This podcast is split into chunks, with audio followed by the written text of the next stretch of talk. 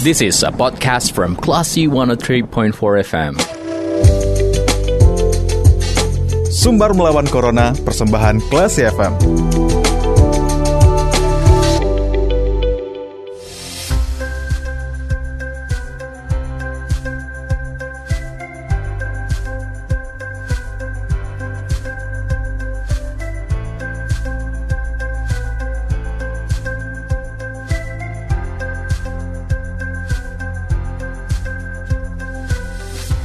103,4 Classy FM bersama kita melawan Corona. Classy People, terima kasih masih mencermati Comfort Time dan saatnya Anda mencermati sumber melawan Corona bersama saya Bimo Alvaro. Dan kali ini kita akan berbicara bersama narasumber yang sudah terhubung bersama kita di line telepon. Ada Bang Doniter Herdarutona eh, selaku Animal Defender Indonesia yang akan berbicara seputar uh, sempat diberitakan ya uh, kalau misalnya ada anggota keluarga uh, yang meninggal karena COVID dan meninggalkan banyak hewan peliharaan. Dan kita ingin tahu bagaimana tindakan yang diambil uh, untuk menindaklanjuti hewan peliharaan yang ditinggal pergi oleh pemiliknya. Langsung kita sapa. Apa Assalamualaikum Om Doni?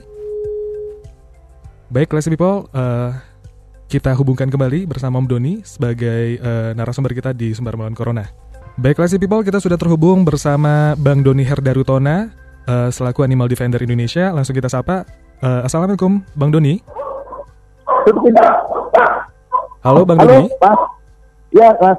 Uh, gimana kabarnya, Bang?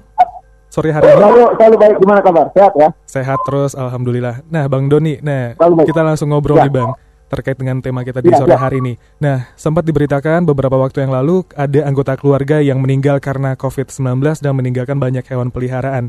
Ini ceritanya gimana nih, Bang? Kenapa bisa dapat informasi terkait dengan hal ini?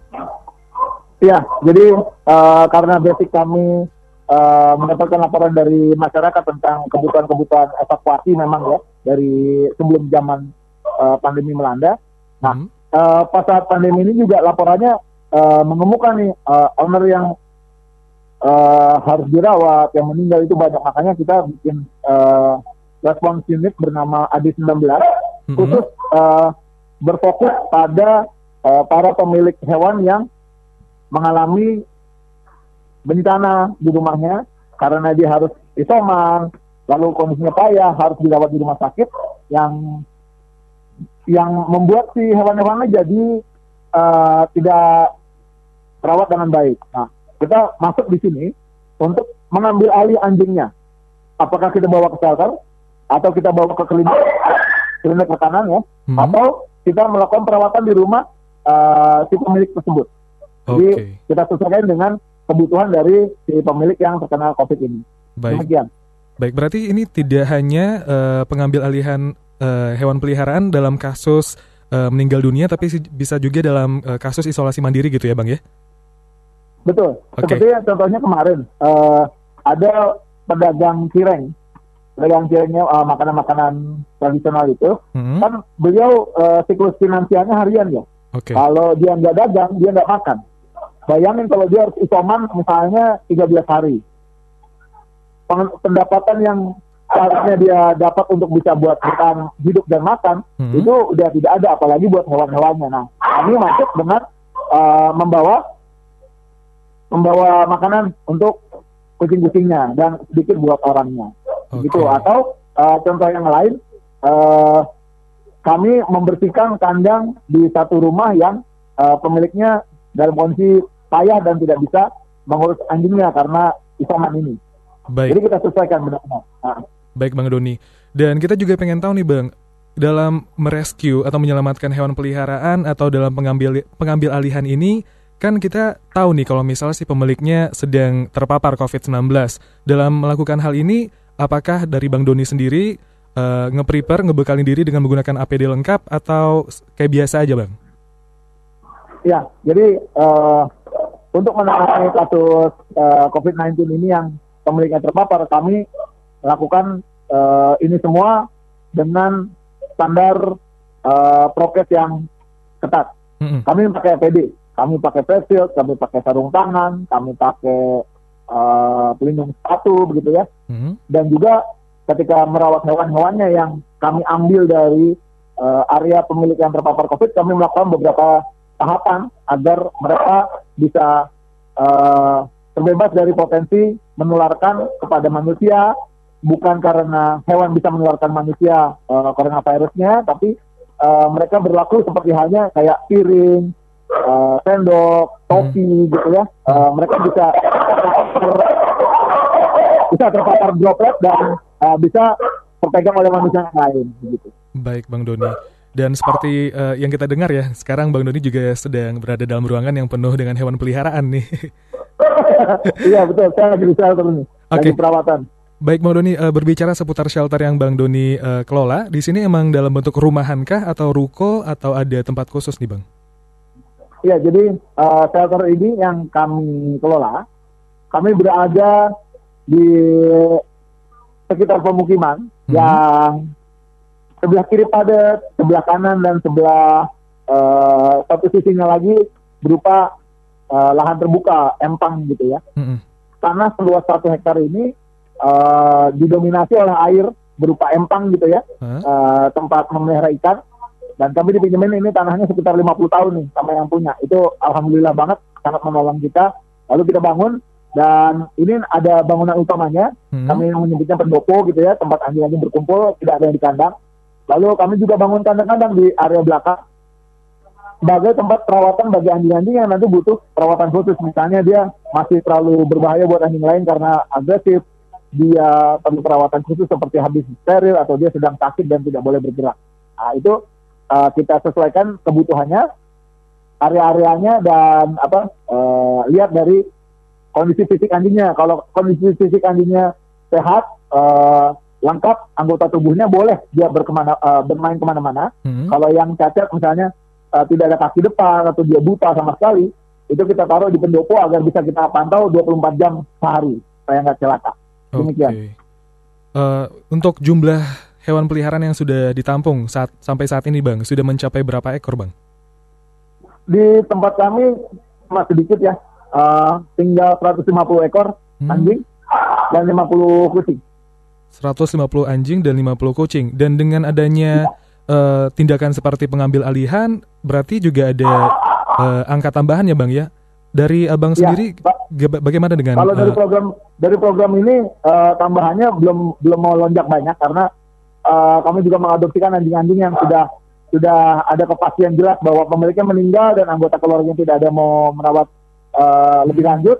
Kita hmm kita rawat dulu sementara di shelter lalu kita adopsikan. Itu okay. kita pertambahannya cuma sedikit cuma uh, total dari yang kita tolong 40 anjing itu di tempat kita cuma ada uh, 35 anjing. Oke. Okay. 35 anjing di kasus ini.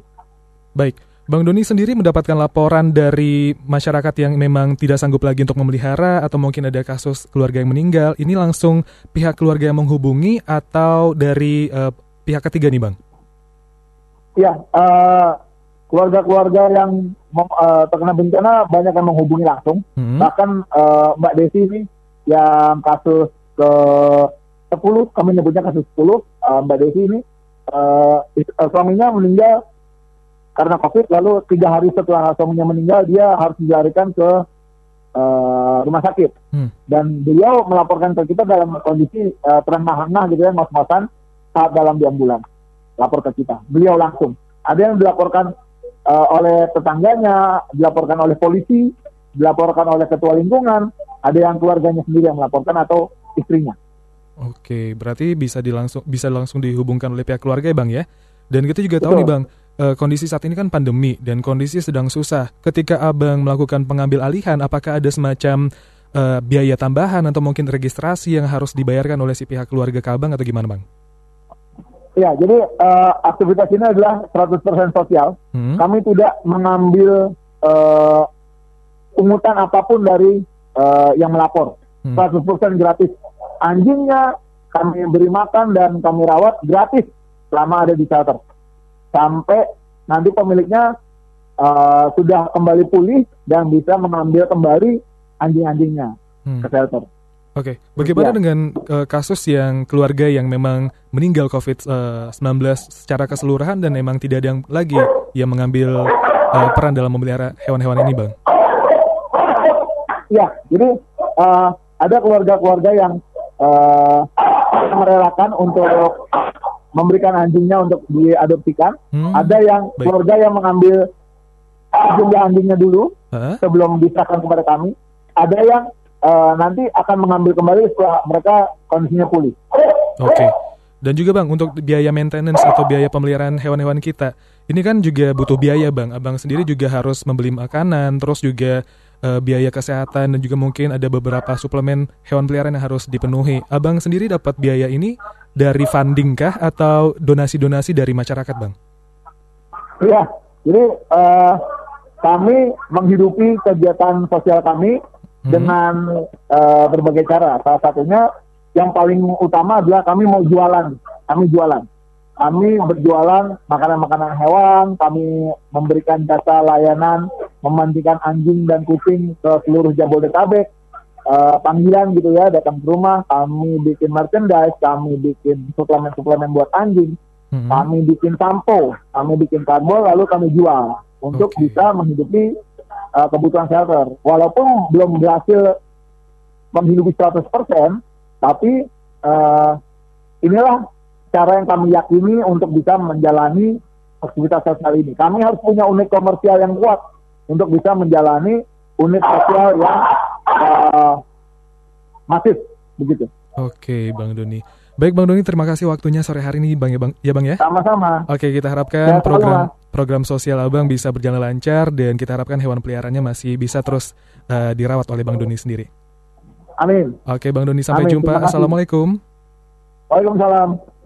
Baik, Classy People, itu ada ada Bang Doni selaku Animal Defender Indonesia yang memelihara hewan peliharaan dari eh, keluarga yang meninggal akibat COVID-19. Eh, demikian sumber melawan corona kali ini, kita ke program selanjutnya. Terima kasih. Anda sudah mencermati program Sumber Melawan Corona. Cermati podcast obrolan ini di www.classfm.co.id atau download aplikasi Classy FM.